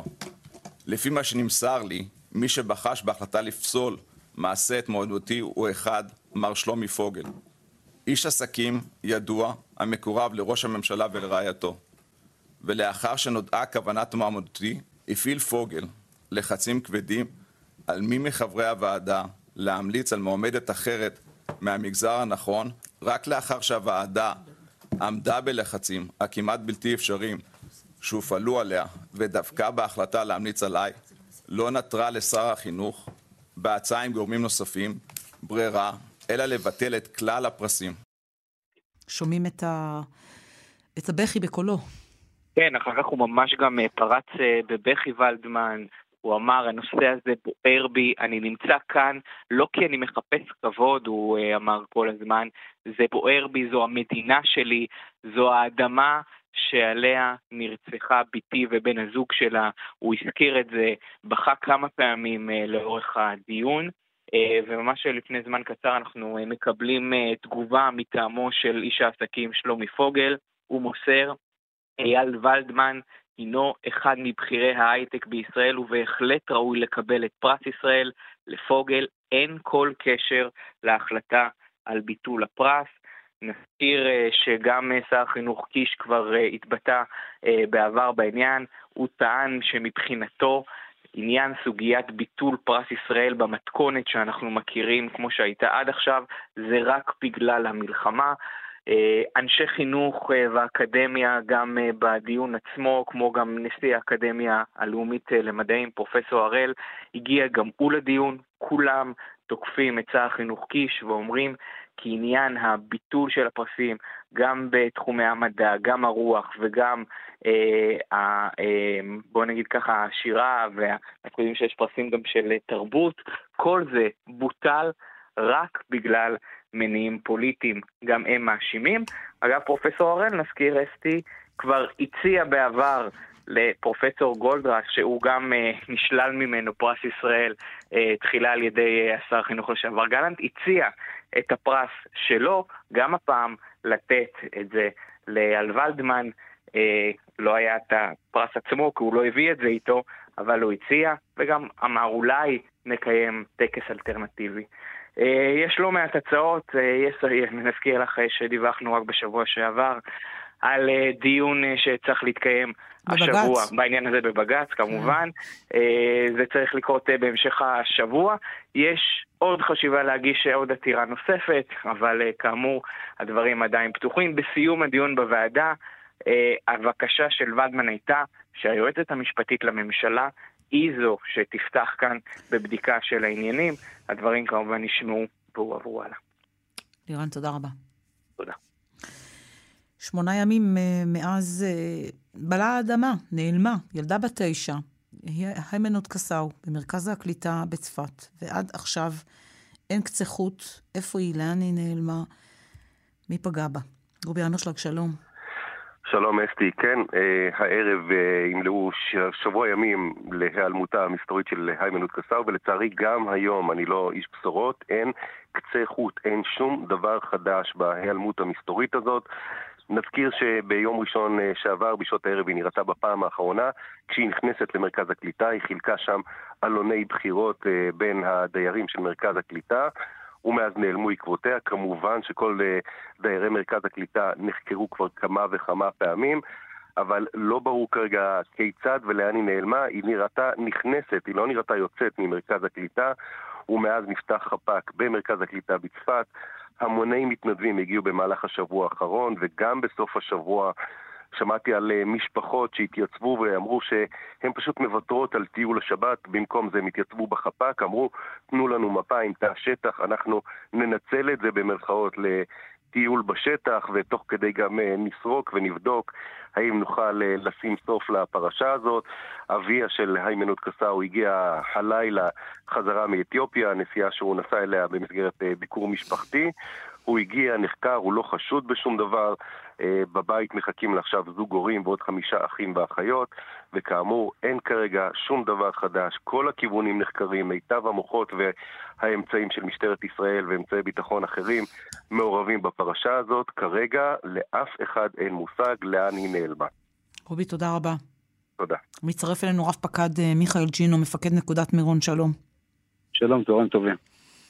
איך יכול להיות ששמונה ימים אין קצה חוט, ילדה בת תשע, כל כך קטנה, נעלמת ואין שום קצה חוט? כן, זה נכון, זה באמת אה, מקרה שאנחנו מחשיבים אותו אה, מאוד חריג. אה, גם באירועים דומים אחרים של נעדרים, זה בהחלט אירוע מאוד חריג, גם בגלל הגיל של הילדה, גם בגלל הנסיבות. וכמו שציינתם קודם לכן, לצערי עדיין אין קצה חוט. החקירה הוטלה על היחידה המרכזית של המחוז הצפוני, עם אה, כלל האמצעים, לא חוסכים פה בשום אמצעים. זה אה, תיק שקיבל את השם פני מלאך, אפשר אה, להבין למה הם מסתכלים על התמונה של הילדה המקסימה הזו. ואנחנו מחכים לפריצת דרך שתוביל אותנו ל- לגילוי משמעותי בפרשה הזו. כל כיווני החקירה נחקרים? כולם? כל כיווני החקירה אה, נבדקים, גם הפליליים וגם כאלה שלא, בכל אה, היבט אפשרי, בכל אה, הקשר אפשרי. אה, בהחלט הכל נבדק. האם אתם בודקים גם אם יש כאן אפשרות לאירוע לאומני, שהיא נחטפה, אולי נסעה לדבר נורא, במסגרת פיגוע? אז תראי, כמו שאמרתי, כל הכיוונים אה, נבדקים. גם ברמה הכיוון הפלילית, הלאומני? גם, גם הכיוון הלאומני בהחלט, זה דבר שנלקח בחשבון, זה דבר שדובר עליו. אה, אני לא רוצה כרגע לתת אה, מדרגים למה מה, מה כרגע נקבל אה, איזושהי אינדיקציה, כי, כי אין, פשוט אין. אין איזשהו כיוון שמוביל אותנו לקצה חוט שיכול באמת להוביל התקדמות, משמע, התקדמות משמעותית בחקירה. אני יכול כן להגיד ש... כמו שאמרתם, מיטב המוחות, מיטב החוקרים, בכל האמצעים הטכנולוגיים והיומינטיים יושבים על זה החל מיום ראשון שבוע שעבר שלראשונה נודע על דבר ההיעדרות של אה, היימנוט ועד לרגע זה, אה, כולל אה, עד היום 1,800 מתנדבים, שזה מספר מדהים, שהגיע, שהגיעו יום אחרי יום, גם, בש, גם במהלך השבת, כמו שציינתם, לבוא ולהשתתף בחיפושים, ועדיין, גם ברגע זה בחפ"ק, מגיעים מתנדבים כל העת, מקבלים גזרת אה, שטח לסריקה, יוצאים לסריקות, אנחנו משתמשים באמצעים כמו כלבים, פרשים, רחפנים, בשביל באמת לנסות ולהבין למה אנחנו אה, לא מצ... החקירה למעשה הגיעה למבוי סתום, למה אנחנו כרגע לא מצליחים להבין מה קרה לילדה. בוא נלך אחורה, בוא נלך ליום שבו היא נעלמה. מה אתם יודעים על היום הזה ועל מה שעבר עליה טרם היעלמותה? אז היום לפני, היום, בעצם היום של ההיעלמות הוא יום שהיה יום לפני הבחירות לרשויות המקומיות. יומיים. זה היה לדעתי יום לפני, כי הבחירות... יום ראשון. יומיים, נכון, נכון. זה היה יומיים לפני, את צודקת. הילדה עסקה יחד עם ילדים אחרים בני גילה בחלוקת עלונים בשפה האתיופית לאנשים שמאכלסים את מרכז הקליטה ברחוב צה"ל 9 בצפת. מבחינת אה, ציר הזמן, אנחנו מזהים אותה נכנסת למרכז הקליטה בשעה 7 בערב, אה, קצת פחות משבע ודקה. נכנסת עם אה, עוד ילדים בני גילה, כמו שרואים בסרטון וידאו שמוצג בתקשורת, היא פשוט נכנסת למרכז הקליטה.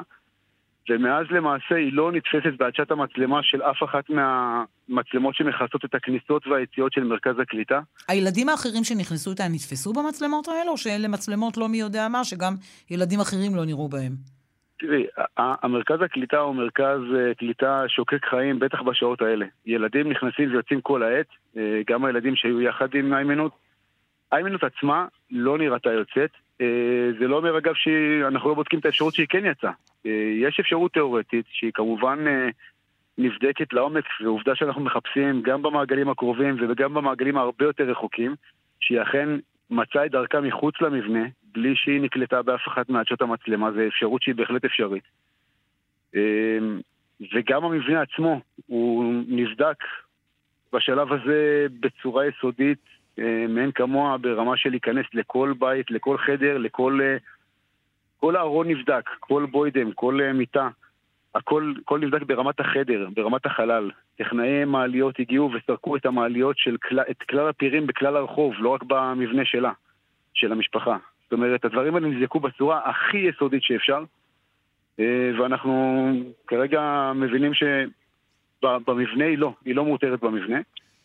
והחיפושים מתמקדים במעגלים הקרובים והרחוקים, מסביב למבנה ובכלל בכל האזור העיר צפת. כמה זמן לקח למשפחה להודיע לכם שהיא נהדרת? אה, הפעם האחרונה שמישהו אה, מדבר איתה או רואה אותה זה באזור אה, שבע ורבע על פי עדות של בת משפחה שמזהה אותה במרכז הקליטה.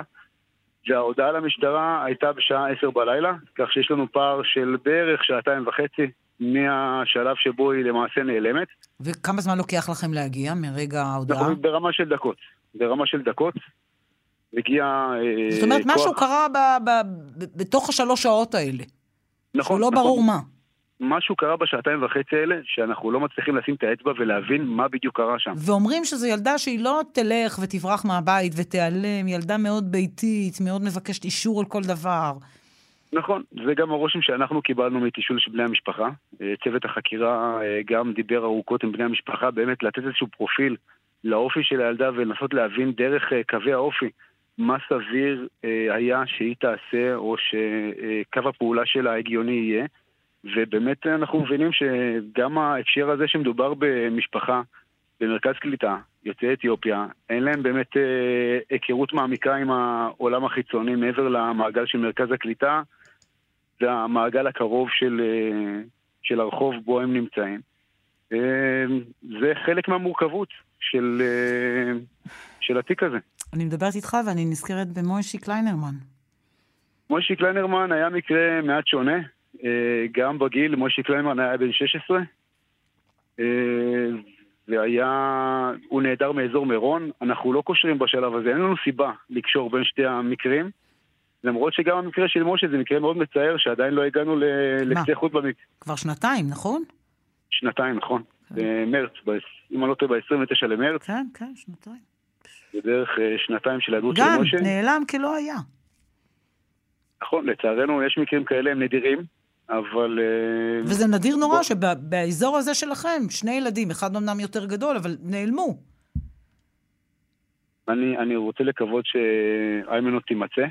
אה, ושנבין מה קרה לה. כך שאני לא רוצה לשים כותרת על המקרה של איימנות כמקרה שהוא חלילה חסר תקווה. או, חס וחלילה. אבל ככל שעוברים הימים, כולנו יותר ויותר מודאגים. בהחלט, החשש הולך וגובר, נכון. כן. רב פקד מיכאל ג'ינו, מפקד נקודת מירון, תודה רבה. ונקווה ש... נקווה שתצליחו, ושאולי אפילו בעקבות השיחה הזו, איזה עוד איזה בדל מידע אולי אנשים ימסרו עוד איזשהו מידע, אולי מישהו ראה, שמע משהו, יבואו לעזור. אז אנחנו מקווים שגם עשינו את השליחות הקטנה הזו. תודה רבה לך. תודה רבה. פרסמות עכשיו. ליאן וילדאו, שלום. שלום אסתי, צהריים טובים. ספורט, אתה לוקח אותנו למחוזות אחרים או משאיר אותנו כאן כי גם יש ענייני אלימות? קודם ספרד, אה, שערוריית ענק בספרד, כל הכותרות הספורטיביות עוסקות בעניין הזה. בואי תנסי יחד עם המאזינים לצייר לך תמונה. 2-2 בוולנסיה, אתמול משחק ליגה מול ריאל מדריד. הכדור באוויר, השופט שורק לסיום, ואז נכבש שער. השער לא נחשב, שער ניצחון לריאל מדריד של בלינגהם, שגם אחר כך מקבל כרטיס אדום על כך. לא נחשב, אז לא נחשב, אבל מה הבכי והנהי? או-אה, אז בואי תשמעי קודם כל, נכניס לאווירה, כך זה נשמע בשידור של עמיתנו מוואן, אסי ממן ועמית לבנטל. בראים עם ההגבהה, והשופט שורק לסיום! הוא שרק! הכדור בפנים! הוא שרק! הכדור בפנים! אבל הוא שרק לסיום! אני לא מאמין. אין שער של בלינגהם! המשחק מסתיים ב-2-2!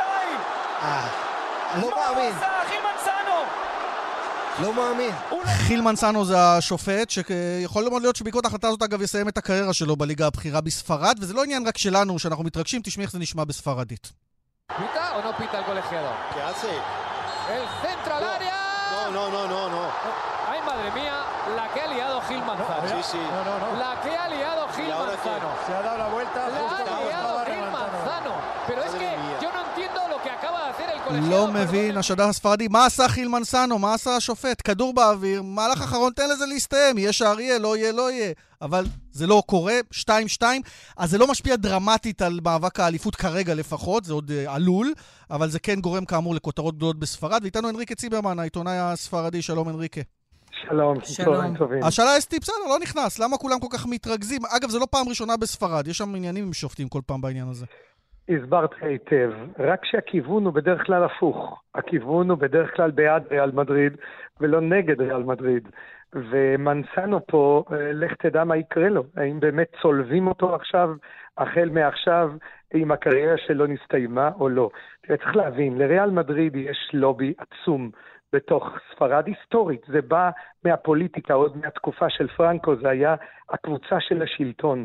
והרבה מאוד פעמים קבוצות אחרות, בסקיות, קטלניות, התלוננו תמיד נגד השיפוט, שבדרך כלל היה אוהד את ריאל מדריד. היו שערוריות שיפוט לאורך השנים, הרבה מאוד פעמים. אני לא זוכר שהיו נגד ריאל מדריד. זו הפעם הראשונה שקורה כזה דבר. עכשיו, זה לא חדש, גם בשנה שעברה, באותו איצטדיון בוולנסיה, במסטאיה, היה סקנדל אחר על רקע גזעני, כשצעקו אוהדי ולנסיה נגד ויניסיוס, וקראו לו מונו, שזה קוף, לא פחות. והדבר הזה, לא במקרה כנראה, גם אתמול ויניסיוס הכניס שני גולים של ריאל מדריד, מדריד שהשוו את התוצאה ל-2-2. אני חושב שהאווירה היא מאוד מאוד טעונה, ומנסנו החליט להיות, בעצם לעשות מעשה שהוא הפוך לכיוון שבדרך כלל קורה. אני מניח שהיום בספרד הוא, הוא בעצם האיש שבכותרות, ומעניין מה יקרה בעקבות הדבר הזה. כן, האיש שאוהדי ריאל לא יכולים לראות יותר, ומן הסתם עם הלובי, כפי שהזכרת, כנראה גם סביר מאוד להניח שאולי אולי לא יראו אותו שוב שופט אותם, בטח לא במשחקים חשובים. הנריקה, תודה רבה על הדברים. תודה לכם, כל טוב. טוב, אז זה מה שקורה בספרד. לנו יש צרות אחרות. אלימות, מקבץ אירועים אלימים ב-24 שעות. אסתי, ממש לפני זמן קצר, המשטרה עוצרת חמישה אוהדים של הפועל תל אביב, שמיידים אבנים אל עבר מגרש האימונים בוולפסון, היכן שמתאמנת הקבוצה, סוג של מחאה. חבר'ה בני 20, בסיטואציה הנוכחית הולכים לזרוק אבנים על האימון, לא ברור בעליל. עוד אירועים גם אתמול במשחק, משחק הכדורסל בין הפועל תל אביב להפועל חולון בדרייבין, שם העימותים בין קבוצות האוהדים, בהפועל חולון אומרים, האוהדים שלנו הותקפו, גנבו להם את דגל הפריסה, קטטה הדדית לא הייתה שם, תקפו אותנו. בקיצור, הרבה דברים מגעילים. ואגב, את זוכרת שבוע שעבר שדיברנו עם היושב ראש של אום אל-פחם לקראת המשחק מול חיפה? בטח, בוודאי. הוא הבטיח שהכל יהיה בסדר. כן. אז היו אבוקות, נשים את זה רגע בצד, זה גם נזרק למגרש וזה לא בסדר, אבל זה משהו אחר. כן. והיה גם אוהד סורר אחד שהניף דגל פלסטין בהתרסה. כן. והיום הוציאה המשטרה הודעה שהיא עצרה את אותו אוהד. כן. אבל זה אוהד סורר אחד. נכון, בסך הוא הכל נעצר... היה אווירה די אה, הוגנת וספורטיבית, או שאני כן, טועה? ל- למעט העניינים של האבוקות שעצרו את המשחק, כן. כן, אבל זה, יש אנשים שרואים בזה חלק מהספורט, אז לא כן. ניכנס כרגע לד- לדיון הזה, רק נאמר שאותו אוהד אה, בן 18 נעצר, שוחרר בתנאים מגבילים. העילה למעצרו הוא אה, האפשרות להפרת הסדר הציבורי, או להתססת הקהל עם. הדגל הזה. אה, זו תמונת המצב, שוב, גם דברים שלא ממין הספורט. ביאן, תודה רבה. תודה. פרסומות. תרבות עכשיו. שלום, דורית אסרף מזרחי. שלום אסתי, אנחנו נתחיל בענייני אירוויזיון. תאגיד השידור הישראלי חוזר בו מהצהרותיו שלא לשנות את השיר שנשלח ונפסל. יש שיר אחר? למעשה יש שני גם השיר השני שנפסלו, נפסל. נכון, גם October Rain וגם Dance Forever, ומוציא שיר חדש, Hurricane. זה יחליף את October Rain. Hurricane זה פוליטי, פוליטי סתם. המנגינה נשארת... אני חושבת על האלה. של האירוויזיון, כן, בוא שימצאו. שם איזה מילה. אז את כל כך צודקת, כי בעצם אנחנו שולחים שיר אחר, אה, חלק מהמילים השתנו, אנחנו עוד לא יודעים מה בדיוק, אה, אבל עכשיו צריך לחכות. נראה מה יגיד ה-EBU, האם השיר יעבור או לא, אנחנו אה, נחכה ונעדכן כמובן.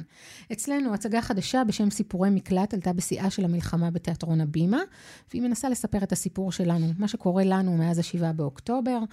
מדובר uh, בתשעה סיפורים קצרים שכולם קורים במקלט או בממ"ד, למעשה סצנות מהחיים שלנו. אחד המחזאים הוא איתי סגל, זוכה הצגת השנה ומחזאי השנה על עת שאהבה נפשי. זכו בך, שלום איתי. שלום. שלום, צהריים טובים. צהריים טובים. לך יש סיפור אחד בתוך הדבר הזה, תספר לנו עליו.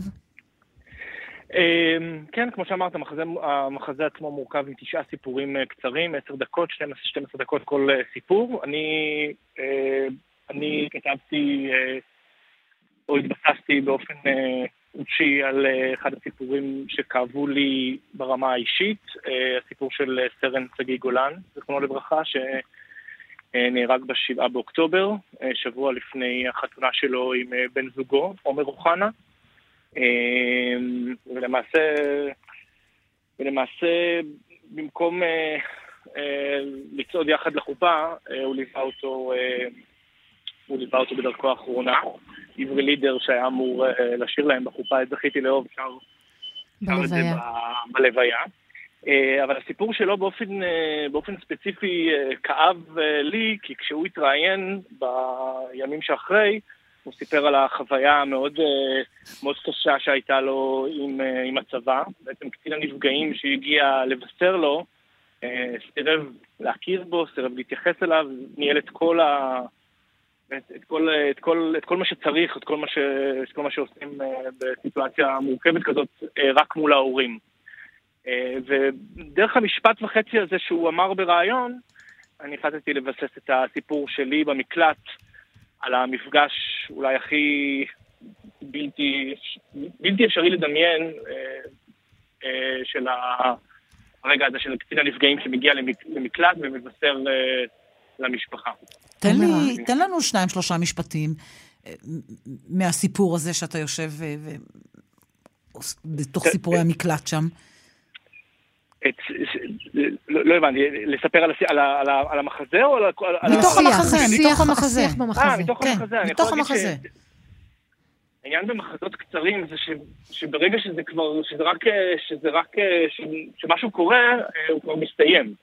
אז אחד, מ, אחד מהשיאים של, ה, של הסיפור של המחזה הקצר, הוא בעצם ההבנה שקצין הנפגעים מסרב להתייחס לבן זוג אה, כאדם להודיע לו. כלומר, הוא מסרב לומר לו את הדברים אה, אה, מפורשות. ו...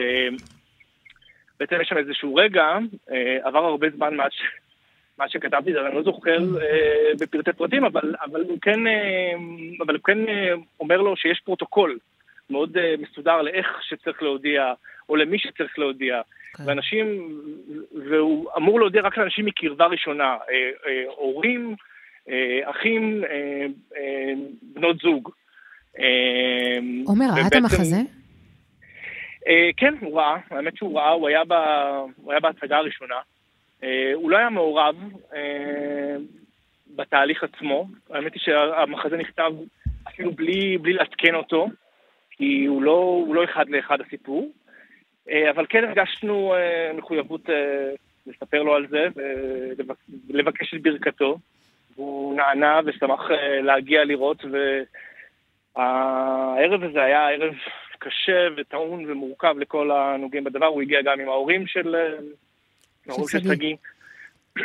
ואני חושב על זה אפרופו תיאטרון והאופן שבו הוא מגיב מהר אה, לכל ה-7 באוקטובר, זה בעצם יצא מצב כזה שחוץ מחדשות ואקטואליה, שהם, אה, שהם עיקר הדרך שלנו כרגע להתמודד או לנסות להבין מה, מה קרה לנו, אף, אה, אף אה, פלטפורמה תרבותית אחרת לא עושה את זה. כן. טלוויזיה זה עוד מוקדם מדי. איתי סגל, זהו. כן. נשים כאן נקודה כי נגמר הזמן. שומעים כבר ברקע טיפונת. תודה רבה לך. זכיתי לאהוב, תודה. זכיתי לאהוב, תודה רבה דורית. תודה אסתי. גיא קוטב, יעל שקד, רונית גור אריה, חיים זקן, שמעון דוקרקר, לילך גביש ואני לוי, אחרינו גדי לבנה עם רגעי קסם.